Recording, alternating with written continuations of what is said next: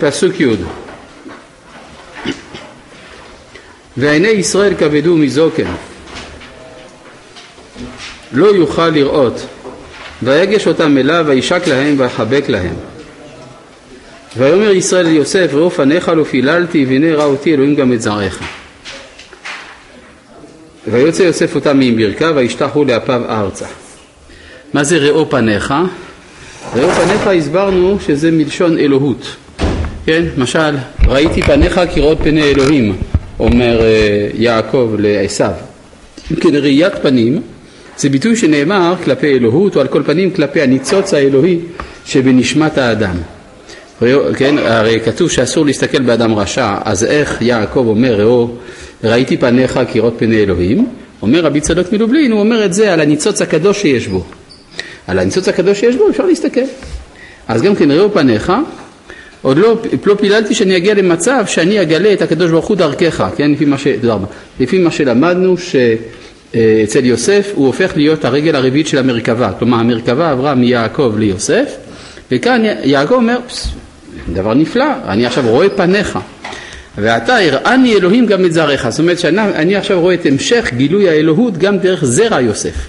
כן יש הבחנה בין יוסף לבין זרעו, מה יש לראות שם? יש שם מנהיגות של תקופת הגלות של מנשה ואפרים. פסוק י"ג ויקח יוסף את שניהם את אפרים בימינו משמאל ישראל ואת מנשה בשמאלו מימין ישראל ויגש אליו. לא תאסור מכל אשר יגידו לך ימין ושמאל אפילו אומר לך על ימין שהוא שמאל ועל שמאל שהוא ימין, שמע לכל דבריהם. איך אפשר להגיד דבר כזה? ככה כתוב בספרי, נכון? בספרי מובא לגבי מה שאומרים חכמי הסנהדרין, אפילו מראים לך בעיניך על ימין שהוא שמאל ועל שמאל שהוא ימין. איך אפשר? איך בכלל דבר כזה קורה? אלא הספרי מדייק בלשונו, הספרי אומר מראים לך בעיניך על ימין שהוא שמאל ועל שמאל שהוא ימין, שמע לכל דבריהם. כלומר השתמשת בעיניים ולא באוזניים ולכן ראית אחרת. אם אתה תשמע כראוי, אתה גם תראה כמוהם. וכפי שאומרים אה, אה, בעלי המוסר, כאשר אתה בא מול מישהו, אתה מתנגד לו. אז ימין שלך זה שמאל שלו, ושמאל שלך זה ימין שלו. אם אתה מסתכל באותו כיוון כמוהו, פתאום ימין ושמאל מתאחדים. אז גם פה יש איזה מין הבחנה כזאת של ימין ושמאל שמתהפכת, ו... ו... ויוסף רואה משהו, והוא צריך במקום לראות, לשמוע. אז זה מה ש... אה, אה, עכשיו, מה שקורה זה שברור שיעקב רואה נכון. איך אני יודע? הוא בכוונה, וישלח ישראל את ימינו וישת על ראש אפרים. עכשיו אפרים נמצא משמאלו. זאת אומרת, הוא לא טעה, הוא בכוונה עושה את זה. והוא הצעיר וצמאו לו על ראש מנשה, סיכל את ידיו. מה זה סיכל? חוכמה, לשון שכל. כן, היום בעברית מודרנית, בגלל הפרשה הזאת, אומרים על, על הצלבה של הידיים, קוראים לזה סיכול ידיים, אין לזה שום קשר, הבל ואריק ממש. Uh, המשמעות של סיכל הכוונה שהחכים, היה איזה חוכמה בידיים שלו. אגב, זה מפורש גם בתרגום קלוס, אך כמינון לידוהי, הרי מנשה בוכרה, סיכל את ידיו, כי מנשה הבכור. אם נסתכל, זה כמו בעברית מודרנית, אין שום משמעות לזה שכי מנשה הבכור. ויברך את יוסף ויאמר.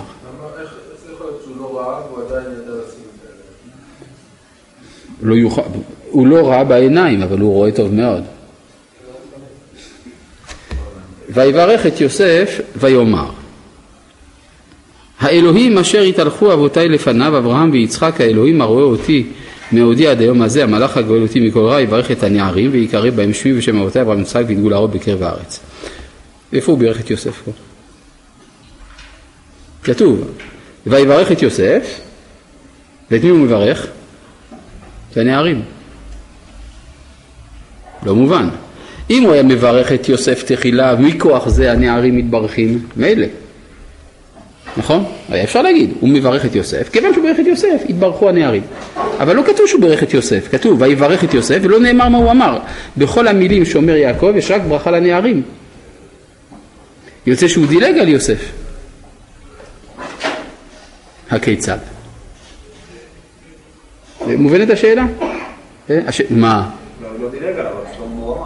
לא כתוב מה הוא אמר. אה, זה גם יכול להיות, אבל זה תמוה, למה מה שהוא אמר עליהם נאמר ומה שהוא אמר על יוסף לא נאמר? תמוה. אה, מה? אז זאת אומרת, עצם זה שהילדים שלא מבורכים זה ברכה גם לא. בסדר, גבל. אני רוצה להגיד לכם משהו אחר. אתם זוכרים שיעקב הבין שיוסף הוא מקור הברכה בשבילו? ברגע שהמרכבה עברה ליוסף? עכשיו, מה קורה אצל יוסף? גם הבנים שלו הופכים להיות גדולים ממנו. כלומר, באיזשהו שלב יוסף מקבל את הברכה ממנשה ואפרים, ולא ההפך. בתורת הקבלה קוראים לזה נצח ועוד, מברכים את היסוד. אז נצח ועוד זה מנשה ואפרים. אפרים ומנשה אם נדייק. ואז הם מברכים את יוסף. כיוון שהוא מברך את הנערים, הברכה מגיעה ליוסף, פשוט מאוד. כן. איפה אנחנו לומדים שמנשה ואפרים יותר גדולים? אה, איפה אני יודע שהם יותר גדולים? עיין פסוק י"א.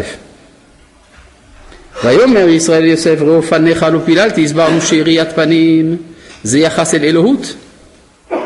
לא תיארתי לעצמי שאני אגיע למצב שאני מקבל ממך בעצם, זה נקרא ראו פניך. והנה הראה אותי אלוהים גם לזרעך, שעכשיו גם זרעך גדול ממך. כשם שזרעי גדול ממני, גם זרעך גדול ממך. אז מכאן אנחנו רואים שאפרים ומנשה גדולים מיוסף. לכן הוא מברך את יוסף, הוא רוצה להסביר לו איך זה עובד.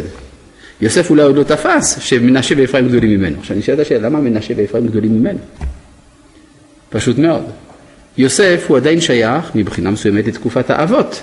מנשה ואפרים, תקופת הבנים, שבטים. מה יותר גדול, הבנים או האבות? קדושת הכלל גדולה מקדושת הפרט. ולכן כיוון שמתחיל להיווסד כלל ישראל, אז הם גדולים מיוסף, לכן הוא מלמד אותו שברכתו תלויה בבניו ולא ההפך. יש ביטוי כזה במסורת היהודית, זכות אבות. מכירים את הביטוי הזה, זכות אבות? מה זה הזכות של, של האבות? זה הזכות שהייתה לאבות, שהם הסכימו להיות אבות. מה זאת אומרת הסכימו להיות אבות? הסכימו להיות אבות ולא בנים. מה ההבדל בין אבות לבנים? אב זה מי שחי עבור הבטחה שתתקיים רק בזרעו. ואילו הבנים זה מי שמקיים את ההבטחה, מגשים אותה. אז מה יותר גדול? הרעיון או ההגשמה? ברור שההגשמה גדולה יותר. ולכן כיוון שהבנים תפקידם להגשים, אז הם גדולים מן האבות, פשוט מאוד. אז זה מה שהוא אומר כאן, ויברך יוסף את יוסף ויאמר, פסוק תלוואב. מה?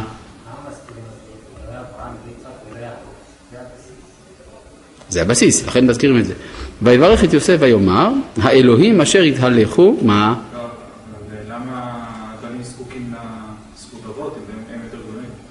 אה, כי האבות היו יותר גדולים מהבנים. האבות היו גדולים מהבנים, מדוע? הם הסכימו, לא, הם הסכימו לא לחיות. זו הקרבה אדירה. כך שמהבחינה של הזכות האישית, האבות ענקים. לכן חייב כל, כך אומרת הגמרא, חייב כל אדם לומר, מתי יגיעו מעשיי למעשה אבותיי, אברהם, יצחק ויעקב. זה, הם היו ענקים. עכשיו, מבחינת הקדושה שמתגלה על ידי הבנים, היא ודאי יותר גדולה מהקדושה שמתגלה על ידי האבות, בתוכנית האלוהית. כי הקדוש ברוך הוא ברא את עולמו ואת תורתו בשביל הבנים ולא בשביל האבות. הרי כתוב בתורה דבר אל בני ישראל. כשהמדרש שואל מי קדם למה, תורה לישראל או ישראל לתורה? בסוף המדרש אומר מחשבתם של ישראל קדמה לכל דבר שנאמר בתורה דבר אל בני ישראל. לא לדבר אל ישראל, אלא אל בני ישראל. כלומר, על איזה חלק של ישראל צריך לדבר, מהי הזהות שלמענה נעשה הכל? הבנים, לא האבות של ישראל. כן. נכון, האבות, כל אב גדול יותר מכל בן. באופן אינדיבידואלי, אבל, אבל הכלל של הבנים יותר גדול מהאבות. יפה. ויברך את יוסף ויאמר, האלוהים אשר התהלכו אבותיי לפניי, לפניו, אברהם ויצחק. הביטוי הזה, להתהלך לפני האלוהים, זה ביטוי מאוד מאוד מיוחד, מצאנו אותו אצל הקדמונים. וישמעו את כל השם אלוהים מתהלך בגן לרוח היום, נאמר על אדם וחווה. נאמר גם בלמך, ויתהלך, לא, סליחה, בחנוך, ויתהלך חנוך את האלוהים. גם בנוח נאמר, את האלוהים התהלך נוח. באברהם נאמר, התהלך לפניי ויהיה תמים. גם ביצחק, אנחנו רואים, ואברהם ויצחק גם התהלכו אבותיי לפניו. זאת אומרת, ההתהלכות לפני האלוהים זה ביטוי מיוחד לקדמונים. מה זה להתהלך? להתהלך זה לטייל. כן? יש הבדל בין ללכת לבין לטייל. ההבדל הוא משמעותי מאוד. בהליכה, ההליכה יש לה תכלית, היא בעצם תועלתית. אני הולך כי אני רוצה להגיע למקום מסוים. יוצא לפי זה שאין בהליכה מצד עצמה ערך. לעומת זה בטיול, המטרה שלי זה עצם הטיול, כלומר זה שיש מסלול לטיול זה רק כדי שנדע מה לעשות, אבל בסופו של דבר עצם ההתהלכות היא המטרה. כך שהטיול הוא בעצם דרגת הליכה הרבה יותר עליונה מאשר ההליכה. ואפשר לומר שאם כן בהתהלכות יש כמין אינטימיות עם האלוהות, זה הכוונה. יש ביטוי גם כן בפרשת בחוקותיי, והתהלכתי בתוככם, אומרים חז"ל, אטייל עמכם. כלומר, יש איזה מין מצב שבו התועלתיות של עבודת השם כבר הרבה מאחורינו, יש עצם הכיף, זה ביחד. כן? אז זה מה ש... עכשיו, אה, מכאן ואילך זה מפסיק. כלומר, בתורה אנחנו כבר לא מוצאים התהלכות, אנחנו מוצאים הליכה. והודעת להם את הדרך, ילכו בה. אם בחוקותיי, תלכו. אז ההבטחה היא בסוף, והתהלכתי בתוככם. זאת אומרת, זה יחזור. אבל בינתיים, כל ימי הבנים, אנחנו בהליכה, כבר לא בהתהלכות. אז יעקב רוצה להעביר לבנים את ברכת תקופת ההתהלכות. לכן הוא אומר, האלוהים אשר התהלכו אבותיי לפניו, אברהם ויצחק. האלוהים הרואה אותי. הוא כבר לא אומר אשר התהלכתי לפניו. הוא כבר לא אומר את זה. הרואה אותי, שיש לו השגחה מיוחדת עליי, מעודי עד היום הזה. המלאך, עכשיו זה הופך להיות כבר, הקדוש ברוך הוא מופיע בבחינת מלאך, כבר לא בבחינת האלוהים. כלומר, יש מצבים שבהם הקדוש ברוך הוא פועל על ידי שליח. זאת אומרת, הוא כבר לא פועל באופן ישיר, כן? מה ההבדל בין מלאך לשליח? מלאך פירושו שליח. מי שעושה את מלאכתו של המשלח. בסדר? מה, מה ההבדל? אין הבדל. כן? רש"י כותב על הפסוק וישלח יעקב מלאכים, אומר רש"י, מלאכים ממש. מה זאת אומרת מלאכים ממש? שליחים ממש. כן. עכשיו, אה, המלאך הגואל אותי, אבל הקדוש ברוך הוא, הוא זה שפועל דרך המלאך. לכן, הוא אומר, ממשיך לומר, כן? לפעמים הוא מופיע בתור האלוהים אשר התהלכו אבותיי לפניו. אצלי הוא מופיע בתור האלוהים הרואה אותי. ועוד מעט הוא יהיה המלאך. הוא גם, הוא היה מלאך כשהוא גואל אותי מכל רע. מתי היה מלאך שגאל את יעקב? בבית לבן, בבית לבן, נכון?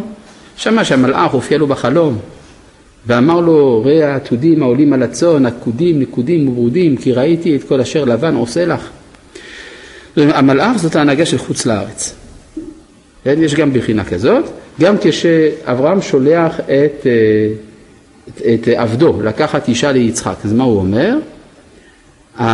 השם אלוהי השמיים אשר לקחני מבית אבי ומארץ מולדתי, הוא ישלח מלאכו לפניך. זה מלאך. אנחנו קצת עסקנו בזה כשלמדנו את פרשת אה, תולדות, למדנו, חיי שרה, סליחה, למדנו איפה המלאך מסתתר, נכון? השאלה שאומר שם אנחנו ממש, אז הוא בא להגיד שמה זה לא. אם הוא ממש שליחים אז מה לא? זה דרך הלצה קצת, יאללה. Uh, המלאך הגואל אותי מכל רע.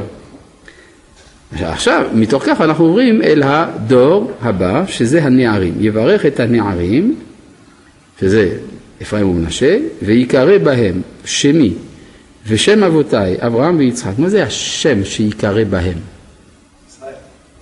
יקראו, ושם אבותיי אברהם ויצחק. שמי, כלומר, שהם יהיו בני אברהם, יצחק ויעקב, הם בני אברהם, יצחק ויעקב, מה הבעיה? אלא השם שנלווה אלינו, השם של הקדוש ברוך הוא, כן? הקדוש ברוך הוא יש לו שם, והשם הזה נלווה יחד איתנו. תראה בהם שמי ושם אבותיי אברהם יצחק, וידגו לרוב בקרב הארץ, עוברים מפריה לריביה, זה ההתחלה של גלות מצרים, ומכוח זה מתברך גם יוסף, מכורח בניו. וירא יוסף, מה אתה אומר? מה אתה רוצה? אה, אולי זה העניין שיקרא להם שם משם אבותיי, אולי זה כי בגלל עבר מיני בשבטים האחרים, שהם לא, לא חלק מבני ישראל, בגלל שהם נולדו במצרים, הם בנים של מצרים. יפה, גם עם זה אפשר להגיד, מקבל. כלומר שיכול להיות שכיוון שהם נולדו אה, כבר במצרים, אז אולי השבטים האחרים ידחו אותם, לכן הוא מברך אותם. וירא יוסף כי ישית אביו. זה לא? זה תפילה אל המלאכים? למה? איזה תפילה אל המלאכים יש פה? הוא אומר, הוא מבקש שיתעורר. אבל ממי הוא מבקש? מהמלאך הוא מבקש? איפה ראית את זה?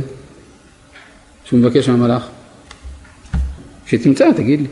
וירא יוסף כי ישית אביו יד ימינו על ראש אפרים וירא בעיניו ויתמוך יד אביו להסיר אותם על ראש אפרים על ראש מנשה ויאמר יוסף אל אביו לא כן אבי כי זה הבכור שים ימינך על ראשו וימהן אביו ויאמר ידעתי בני ידעתי גם הוא יהיה לעם וגם הוא יגדל ואולם אחיו הקטון יגדל ממנו וזרעו יהיה מלוא הגויים מה הוא רוצה כאן? מה אתה רוצה? לכאורה זו אותה טעות, כן? כלומר, הוא קידם את הצעיר יותר, הפך אותו לבכור, גם פה עוד פעם אותו סיפור, כן? אז אולי זה כדי לבחון האם יוסף מסוגל, מסוגל להבין את הנזק שיש בזה, כן? אולי הוא רוצה ללמד את יוסף משהו, אבל יש לזה משהו אחר לגמרי. למה יוסף כל כך רוצה את, אפרה, את מנשה לפני אפרים? או נגיד את זה אחרת, מדוע, אגב, יש להניח שמנשה ואפרים היו תאומים, כן? לפי איך שתיאור לידתם, אז שם משמע שלא היו שני הריונות, אלא הריון אחד, אם כן מן הסתם שהם היו תאומים, דבר שהוא מצוי במשפחה, כבר גם אצל עשיו ויעקב. אבל נשאלת השאלה, מה ראה אה, יוסף לקרוא לבכור שלו מנשה? מה הייתה הסיבה? אולי מישהו זוכר? מה? נשני אלוהים את כל עמלי ואת כל בית אבי. משמעות בשפה פשוטה, ניתוק מבית אבא. ניתוק מבית אבא. מיד אחר כך, ואת, ואת השני קרא אפרים. למה? כי הפרני אלוהי ברצוני. כלומר, מתנתקים מהבית, ואחר כך זה מצליח, נכון? שטטל, בייגל, בייסבול. נכון? זה, יש ספר כזה על יהדות אמריקה. כן. זאת אומרת, מתנתקים, מתוך הניתוק יש הצלחה. אז זה מה, ש... אז זה מה שיעקב רצה למנוע. הוא אומר לו לא, עכשיו הבנת שעשית טעות, חזרת הביתה, אפרים לפני מנשה.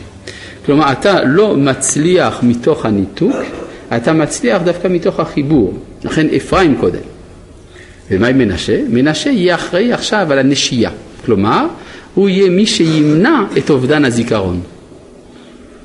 במקום להיות זה שמשכיח, הוא ההפך, משתמש באותו כוח כדי להיות הכוח המחבר את הזיכרון. ולכן, כשבני גד ובני ראובן ביקשו נחלה בעבר הירדן, ואז היה חשש ניתוק משאר השבטים, אז מה עושים? מפצלים את מנשה לשני חלקים, חצי מנשה בעבר הירדן האחד, חצי מנשה בעבר הירדן השני, ואז יוצא שיש חוליית קישור בין השבטים. ועכשיו תראו מה שכתוב כאן, זה דבר מאוד מעניין. אה, ויאמר ידעתי בני ידעתי גם הוא יהיה לעם וגם הוא יגדל ואולם אחיו הקטון יגדל ממנו וזרעו יהיה מלוא הגויים. מה זה מלוא הגויים? הכוונה שהוא ימלא את התפקיד שהגויים היו צריכים למלא. למה הכוונה? ידוע לכם, המדרש, לא, גם לפני המדרש, קודם כל ידוע שליעקב אבינו היו 12 בנים ובת. 12 בנים כדי להקים 12 שבטים, מה עם הבת? כדי להקים את השבט השלוש עשרה. והשבט השלוש עשרה צריך לבוא בשיתוף פעולה עם אומות העולם, ומתוך כך חיפוש כל כך מטריד של הבעל, הבעל של דינה. כשאנחנו מוצאים ארבעה מועמדים אפשריים כבעלים לדינה, או שכם בן חמור, או איוב, או עשיו, או שמעון. כן, יש ארבע אופציות. בסופו של דבר לא ברור מה היה, כן, יש כמה, כמה דעות בדבר הזה. אבל אם באמת אה, הנישואין של דינה היו מצליחים, דהיינו שהיה קם השבט השלוש עשרה בשיתוף פעולה, עם אומות העולם, הייתה פה, היה יסוד האוניברסלי בתוך המשפחה, אז אה, בעצם היינו מגיעים לאיזה מין ימות משיח כאלה, זאת אומרת מצב של, של אחדות ישראל והעמים, וזה לא הצליח. לא הצליח. מה קרה בעצם? בסוף היה שם חמור, שכם בן חמור. בן חמור, ומה קרה לדינה, מסכנה? יש מדרש שאומר, נכנסה להיריון ממנו. מה נולד? בת. מה קרה לבת? נעזבה. הגיעה למצרים, בסוף היא, היא הייתה ילדה מאומצת בבית פוטיפר, והיא אסנת בת פוטיפרה, כהן און, אשתו של יוסף. ואז יוצא שמנשה ואפרים באים להשלים את השבט החסר, לכן בשניהם הופכים להיות שבטים, הם הופכים להיות שבט 12 ו-13. ואז יוצא שאפרים ממלא את התפקיד שהיה מיועד לגויים, וזרעו יהיה מלוא הגויים. אם נקבל את המדרש כפשוטו, כן? כתוב על אפרים בעמים, אז זה יותר מדי מסוכן. כבר מספיק מה שאומר הנביא, אפרים בעמים הוא יתבולל. מספיק ככה בעייתי. אתה רוצה לקחת את מנשה, זה בכלל לא ייגמר. ויברכם ביום ההוא לאמור, בך יברך ישראל לאמור. ישמך אלוהים כאפרים וכמנשה, וישם את אפרים לפני מנשה. מכאן נהגו אחינו האשכנזים לברך את הילדים לפני הקידוש בברכת ישמך אלוהים כאפרים וכמנשה. הוסיפו גם ברכה לבנות, ישימך אלוהים כשרה רבקה רחל ולאה, ואיני יודע מאיפה לקחו את הנוסח הזה, הוא לא מוזכר בתורה. שאלה לאחינו הספרדים למה הם לא נהגו את זה, הרי כתוב בתורה שבך יברך ישראל לאמור, אבל לא שזה מצווה, אלא כשרוצים לברך אומרים תהיה כמו אפרים וכמנשה. כן. מה? טוב, נמשיך. למה דווקא כמו אפרים ומנשה? מה הם כל כך מיוחדים? שהם יכולים לעמוד בכל המצבים. הרי מדובר על הגלות שם. הם נסיכים בבית פרעה. כלומר, מי שעומד במצב היותר קשה, קל וחומש במצב הקל. ויאמר ישראל אל יוסף, הנה אנוכי מת, והיה אלוהים עמכם, והשיב אתכם אל ארץ אבותיכם, כלומר, יעקב הודיע מראש שיבוא משה. זה מה שהוא אומר. אז למה הוא לא אומר ישלח מישהו? כי בכלל לא משנה. זה בכלל לא משנה אם הוא שולח מישהו או שהוא גואל באופן אחר. אפשר בסופו של דבר להתמקד מסביב לדמות של אישיות גואלת, אבל לא האישיות עיקר, הגאולה עיקר. נפקא מינה למה? לדמות של המשיח, שהדמות של המשיח הפכה במשך הדורות לאיזה מין בובה, איזה מין קוסם, אין לזה שום קשר. יש תהליך של גאולה של עם ישראל, במהלך הגאולה יש גם דמויות שפועלות את המהלך ההיסטורי, אבל לא הם המחוללים אותם, את המאורעות ההיסטוריים, אלא הם כביכול נישאים על כנפי ההיסטוריה ופועלים מה שצריך לפעול. כן, לא הרצל, לא בן גוריון, הם אלה שהקימו את המדינה, למרות שדרכם היא קמה. אז מה שאומר גם פה, לא משה הוא המוציא את ישראל ממצרים, אלא השם הוא המשיב אתכם מלארץ אבותיכם. עכשיו יש נפקא מינה בזה. כי בזמן הגאולה ממצרים יש סכנה. שאם תשאל את היהודי שיוצא ממצרים, תגיד, מי הוציא אותך? הוא עלול לענות, משה. נכון? או אפילו פרעה. ולכן בלשונות הגאולה יש דבר מאוד מעניין. כתוב והוצאתי אתכם מתחת סבלות מצרים וגאלתי והצלתי אתכם מאבותיהם וגאלתי אתכם בזורה נטויה ובשבטים גדולים ולקחתי אתכם לי לעם והייתי לכם אלוהים. וידעתם כי אני השם המוציא אתכם מתחת סבלות מצרים והבאתי אתכם אל הארץ. כלומר יש סכנה שאתם לא תדעו מי הוציא אתכם.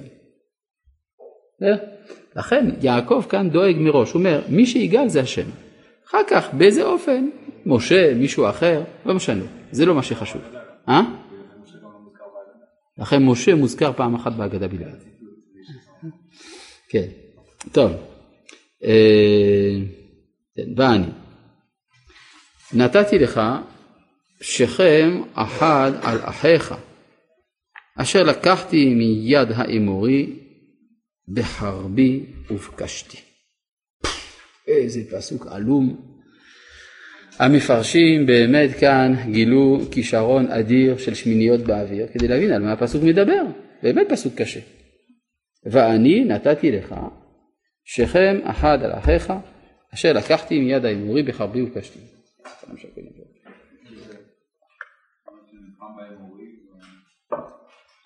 אז קודם כל בואו נראה מה זה שכם. ואני נתתי לך שכם. שכם זה יכול להיות העיר שכם. נכון? יש עיר בשם שכם. מי כבש אותה? שכם כבש אותה? שכם כבש את העיר שכם? מאיפה לקחת את זה? אני שואל אותך, מי כבש את שכם? אתה אומר ששכם כבש את העיר? ממי הוא כבש אותה? אה? העלית השערה. אה, חשבתי שיש לך ידיעה. מה? לפי מה שלמדנו בפרשת לך לך, הרי העיר שכם הוקמה על ידי המצטרפים אל, אל אברהם. ואז לפי ההשערה שלו, יוצא שבא אחר כך מישהו בשם שכם וכבש את העיר. יש רק בעיה אחת, חמור הוא, הוא אדוני המקום, נכון? שכם בן חמור הוא הרי המלך. אז קשה לומר ששכם הצעיר הוא זה שכבש את העיר. דבר נוסף, אם ככה היינו צריכים לדעת מה היה שם העיר מקודם. ולא מצאנו ש... טוב, אולי אילון מורה, כן, כתוב עד מקום שכם עד אילון מורה. אז אה, העיר שינתה שמה. או, אבל זה אז לא יסתדר כל כך עם כל הדרשות הנפלאות שדרשנו בשם הרב אשכנזי, שבעיר שכם היה תיקון לחטא של חנוך, שקרא את ש... שנתן את שמו לעיר, ואילו בשכם העיר נתנה את שמה לאדם. היה התחלה של תיקון. טוב, אבל כי יש השערה אפשרית כזאת, אבל ברור שיעקב אבינו, נגיד אפילו שאתה צודק, יעקב אבינו הוא לא שכם, נכון? הוא מישהו אחר, עד כמה שאני יודע. אז איך הוא כותב אשר לקחתי? מיד האמורי בחרבי ובקשתי. אז מי כבש את שכם? שמעון ולוי. האם יעקב אבינו היה כל כך מרוצה, היה מאוד מרוצה מהכיבוש? רואים שמה שיש לו הערות, נכון? יש לו הערות, הוא לא לגמרי מרוצה. וכאן הוא אומר ליוסף, אני לקחתי, כן? בחרבי ובקשתי.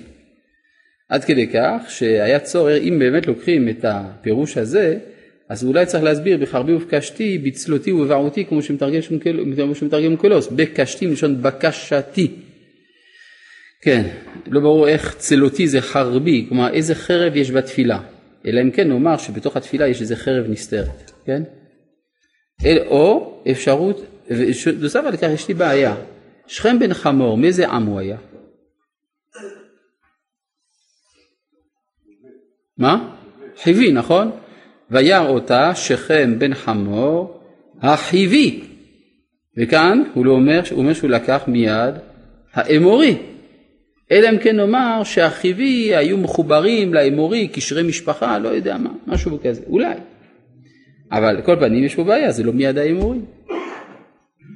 יש פה משהו עלום.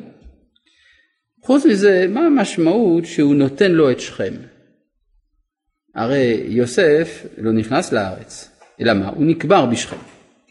כתוב במפורש, ואת עצמות יוסף אשר העלו בני ישראל מארץ מצרים, קברו בשכם בחלקת השדה אשר קנה יעקב מיד בני חמור אבי שכם במאה כסיתה. כן, כלומר זה המקור, זה, אז כן, למה קברו בשכם? אולי בגלל שיעקב נותן ליוסף את החלקה הזאת, הוא אומר החלקה הזאת היא שלי, אני קניתי, כיוון שאני קניתי היא שלך, אשר לקחתי אם כן זה לשון קניין. אז לא צריך פה חרבי וקשתי, אז החרבי וקשתי פה לא לגמרי ברור, אבל על כל פנים, הוא אומר בהתחלה אני קניתי את המקום, והמקום הזה הוא שלך, זה, לפי זה זה לא שכם, זה חלקת השדה שליד שכם, גם כן מסתבך. יוצא, אגב, לפי חלוקת השבטים, לאיזה שבט שייכת חלקת השדה שבה יעקב נקבר, אה, יוסף, יוסף נקבר, מה? יש פה שלוש דעות בקהל, אפרים, בנימין, מנשה. יפה. מה אני אעשה עכשיו? בנימין זה לא? לא, אז מה כן נשאר? אולי תעלו עליהם את האפשרות, שזה בדיוק הגבול, בין אפרים למנשה. הרי איך כתוב בהמשך?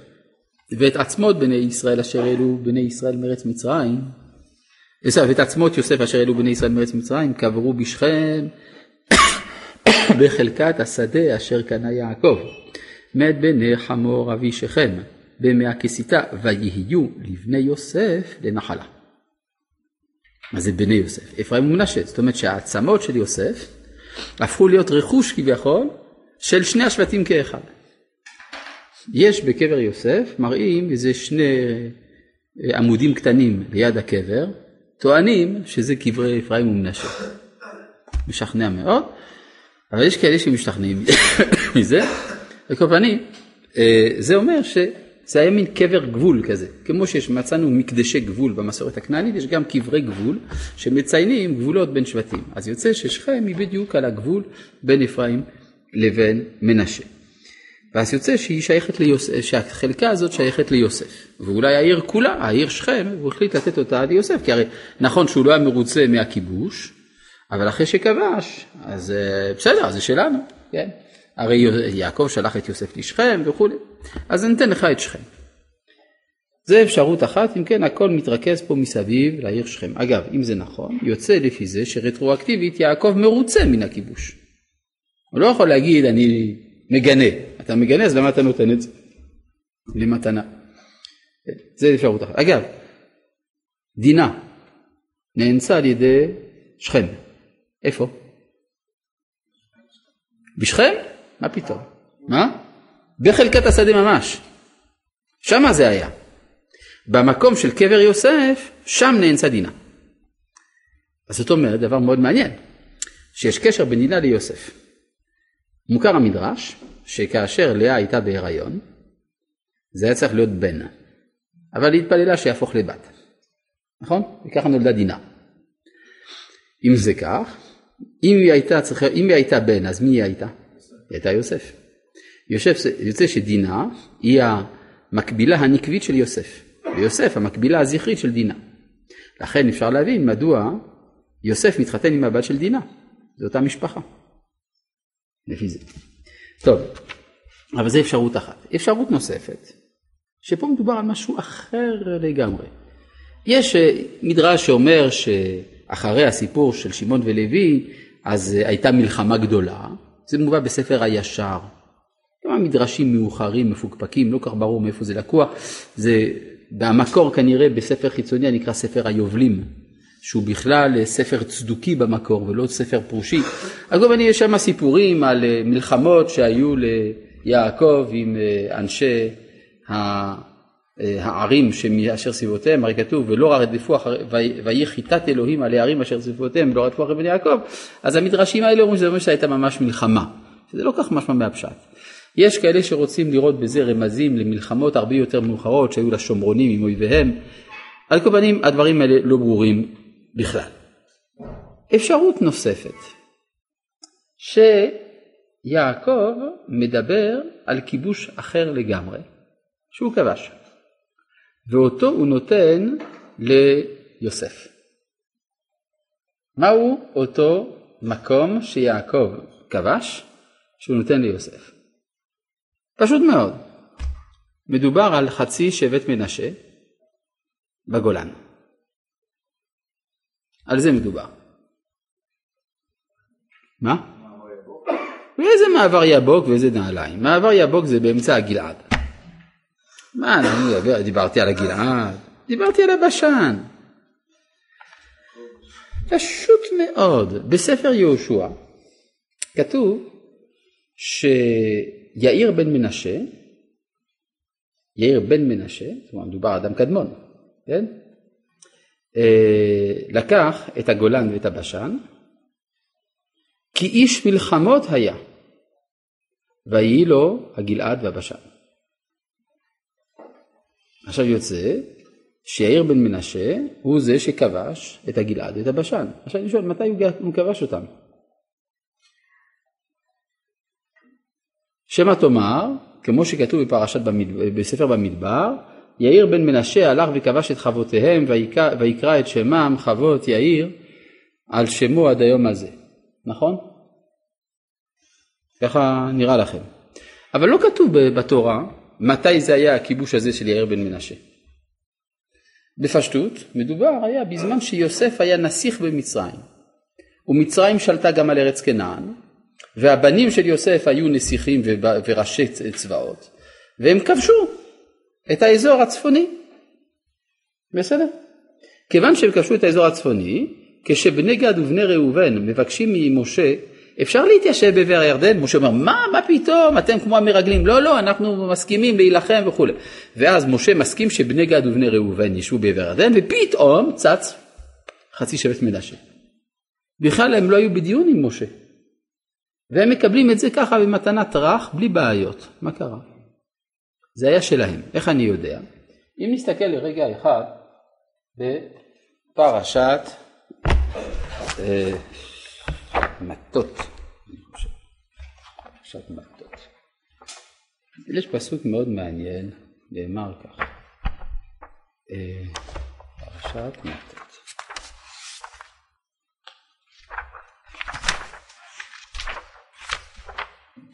לא, פרשת מסעה.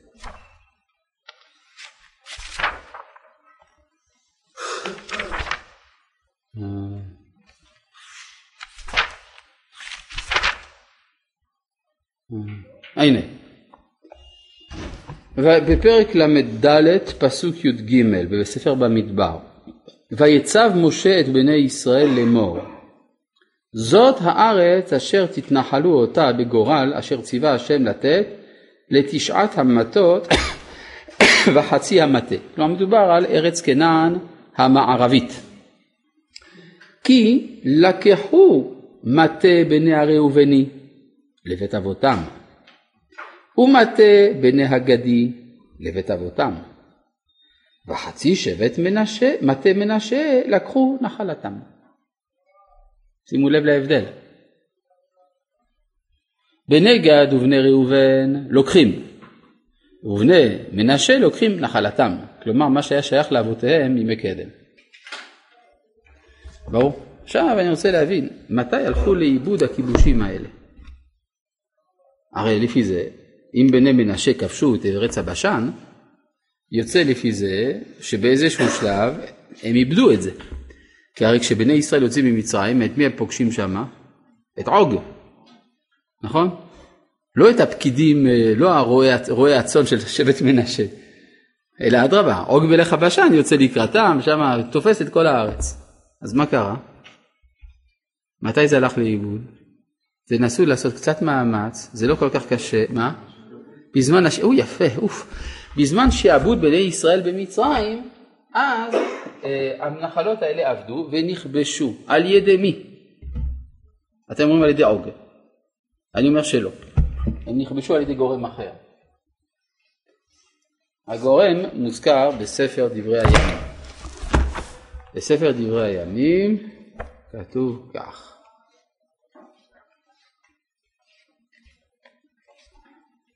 רגע, רגע, רגע, רגע.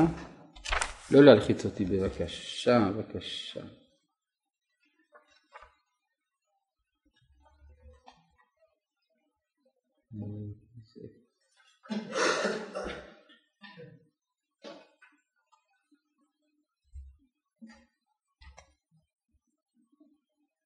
רגע.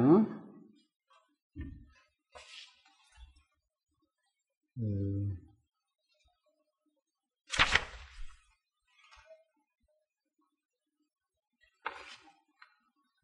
כתוב, אה, רגע, רגע,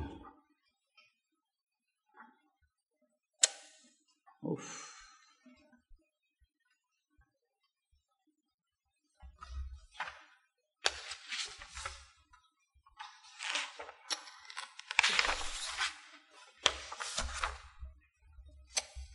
רגע, רגע, בלי, בלי לחץ, זה מיד מגיע.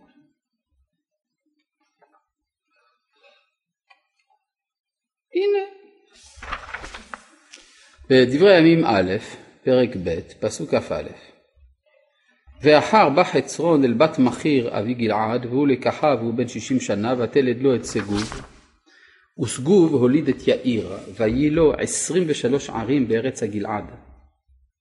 ויקח גשור וארם את חוות יאיר מאיתם את קנת בן בנותיה שישים עיר כוללי בני מכיר אבי גלעד. כלומר, הארמים והגשורים כבשו את הנחלות של חצי שבט מנשה.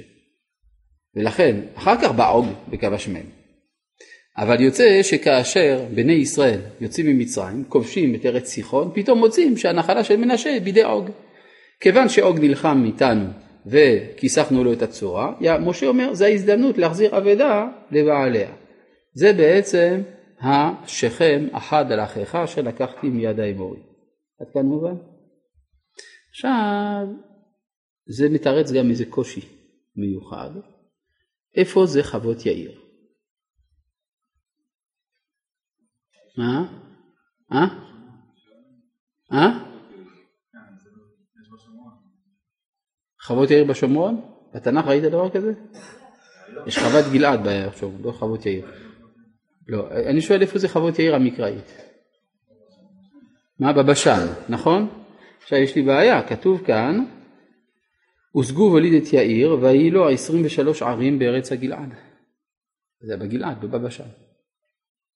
חוץ מזה, זה השישים עיר או עשרים ושלוש עיר? ויקח גשור וארם את חוות יאיר מאיתם את קנת בנותיה שישים עיר. הכל מבולבל. עכשיו בספר שופטים יש שופט שקוראים לו יאיר הגלעדי, כתוב שהיו לו שלושים עיר בארץ הגלעד. אז אם כן הוא יותר מאוחר מאשר ימי משה. וזה לא בבשן, אלא זה בגלעד. מבקרי המקרא עטו על זה כמו על שלל רב, אמרו הנה אתם רואים בעצם יאיר שבימי משה לא היה ולבו נברא, זאת, זאת השלכה לאחור אל העבר של יאיר הגלעדי שהיו לו שלושים עיר בגלעד והפכו את זה לשישים עיר בבשן בימי משה בכאילו כזה. לא הבינו כלום, שום דבר, גורנישט, לא הבינו כלום מבקרי המקרא, פשוט מאוד. היאיר הזה שהיו לו 23 או 30 עיר בארץ הגלעד הוא בכלל לא ממנשה. יאיר הגלעדי הוא לא ממנשה. תסתכלו עוד פעם, אני קורא פה. ואחר בא חצרון, מי זה חצרון? זה הנכד של יהודה, נכון? אז הוא משבט יהודה. אל מחיר אבי הגלעד, אל בסדר, ואחר בא חצרון אל בת מחיר אבי הגלעד, והוא לקחה, והוא בן שישים שנה, ותלת לו את סגוב. וסגוב הוליד את יאיר. אז יאיר הוא מזה שבט? יהודה. והיו לו 23 ערים בארץ הגלעד. למה? הוא ירש מהמשפחה, נכון? ומה זה חוות יאיר? מי זה יאיר בן מנשה? זה הבן של מנשה מיוסף, זה הנכד של יוסף. היאיר הזה קרוי על שם היאיר ההוא. עכשיו למה יש לו ערים בארץ הגלעד?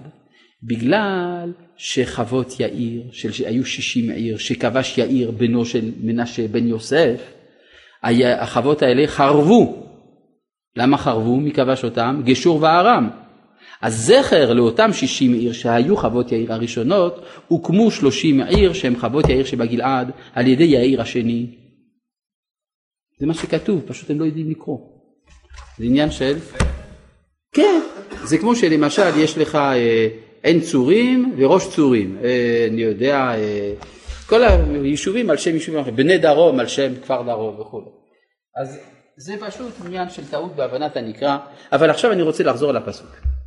למה זה חשוב ליעקב שיוסף יקבל את החלק ההוא? כלומר, הוא צריך לתת גושפנקה, אמיתי זה לא צריך לתת גושפנקה, הבנים של יוסף כבר כבשו, אבל למה זה כזה חשוב ליעקב שיוסף יהיה הבוס של האזור הצפון מזרחי של ארץ ישראל? מבין לי שזה מה שהוא אומר, ואני נתתי לך שכם אחד על אחיך, שכם במובן של חלק, כמו שמתרגם מהתרגום, חולק חד, כן, נתתי לך נחלה אחת. למה ליעקב זה חשוב שצפון המזרח של ארץ ישראל יהיה בידי יוסף? יש לזה שתי סיבות. הסיבה האחת היא משום שזה המקום החלש. מקום חלש. כי אה, כל הכיבושים, כל מי שכבש את ארץ ישראל, חוץ מאשר מי שבא מדרום, וזה היה מאוד מסובך, אבל בדרך כלל כבשו מצפון, בין, ה... בין טל לבין, ה... לא זוכר מה, שם בגולן, יש שם הדרך שכל הצבאות בהיסטוריה, מהארמים בימי קדם ועד הצבאות של סוריה במלחמת יום הכיפורים, משם הם עברו תמיד. אה, ולמה? אה, זה שם יש מעבר טבעי. אז זאת אומרת, מצפון תיפתח הרעה, יש לזה ביטוי גיאוגרפי. אומרים חכמי הקבלה, בשם רבי חיים ויטל כותב את זה, שבארץ ישראל אין שליטה על הקליפות. קליפות כוחות הרע. ארץ ישראל היא מנוטרלת מזה, אין, אין קליפות. חוץ מלול אחד קטן, כלומר חלון קטן מצד צפון, שמשם זה יכול להיכנס. אז אה, יעקב מבין, המקום החלש צריך מישהו כמו יוסף. למה יוסף? יוסף הוא הצדיק. מי שצדיק הוא זה שעומד מול החולשות. כלומר, הוא דינתיר ברית, הוא צדיק, מי ששומר את הברית הוא הצדיק, אומר הזוהר, לכן הוא שם דווקא את יוסף שם, את זרע יוסף שם. זה נקודה ראשונה. נקודה שנייה, אה, הבשן זה שייך לארץ ישראל המזרחית או המערבית? מזרחית, נכון? ארץ המזרחית. זה בכלל ההבטחה לאברהם אבינו או לא? זה בכלל. שתי הבטחות, נכון? למדנו שיש פרק ט"ו, יש פרק י"ז. בפרק ט"ו הקדוש ברוך הוא מבטיח את שני עברי הירדן, ברית בין הבתרים. בפרק י"ז ברית המילה הוא מבטיח רק את ארץ כנען. זאת אומרת שיש שני אופנים של הקיום הישראלי ביחס לארץ ישראל. יש מדרגה מכונסת מוקטנת, ארץ כנען, ויש מדרגה רחבה. כשאנחנו לא מסוגלים להיות בכל הגדלות, אנחנו רואים את ארץ ישראל כארץ קודש בלבד. כלומר זה משהו, בית כנסת מגודל. זה המקום של ה... שבו אנחנו מתרפקים על קברות אבותינו והמקומות המקודשים לנו. אבל אנחנו לא ממלאים פונקציה אוניברסלית, לא ממלאים איזשהו תפקיד כלפי האנושות כולה. כשזה ברית בין הבתרים, זה סימן שעם ישראל בגדלות והוא יכול גם להשפיע על האנושות לתפוס מקום במשפחת העמים. זאת אומרת שהמקום החלש ההוא שבצפון הוא המקום של המשימה האוניברסלית של עם ישראל. נו, ומי יש לו נטייה כזאת בין השבטים? יוסף, לכן נותן לו את הגולן. בימינו, אגב, מאוד מעניין, מאז מלחמת שת הימים כבשנו את ארץ כנען, וצ'ופצ'יק אחד מארץ ברית בין הבתרים, הגולן. מכאן רואים את החשיבות העצומה של המקום הזה. ברור? אז זה מה שעכשיו יותר מובן. מה? האם יש עונש למנשה על זה שחילקו אותו לשניים? עונש על מה? אני רוצה לדעת על מה. מה לא בסדר במנשה? מנשה הוא בסדר גמור, מה, איפה ראית שמנשה הוא לא בסדר? למה הוא חולק לשניים? אז הסברנו. בגלל שיש לו דווקא אהבת ארץ ישראל. כן, בנות צלופחד הם משבט מנשה, והן מקבלות שם חתיכה רצינית מאוד באזור של שכם. ושל צפון אה, שכם, שם, כל האזור תרצה ועין בידן, כל האזור הזה שם, זה משהו. מה? כולו שם, לא, אבל זה אמרנו שמנשה הוא אחראי על הנשייה והזיכרון. כאשר בני גד ובני ראובן מתיישבים בעבר הירדן המזרחי ויש סכנה של ניתוק מהשבטים האחרים, אז לוקחים את שבט מנשה ומפזרים אותו לשניים כדי להוות חוליית קשר בין שני חלקי האומה. כן? כי מנשה, על שם הנשייה, דווקא אז הוא מבין מה זה זיכרון ושכחן, ויש לי טעם של דז'ה וו באמירה הזאת. בסדר. נשייה זו מילה בעברית.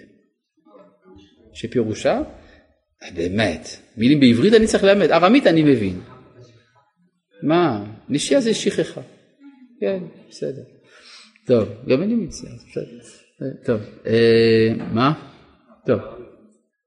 בערבית?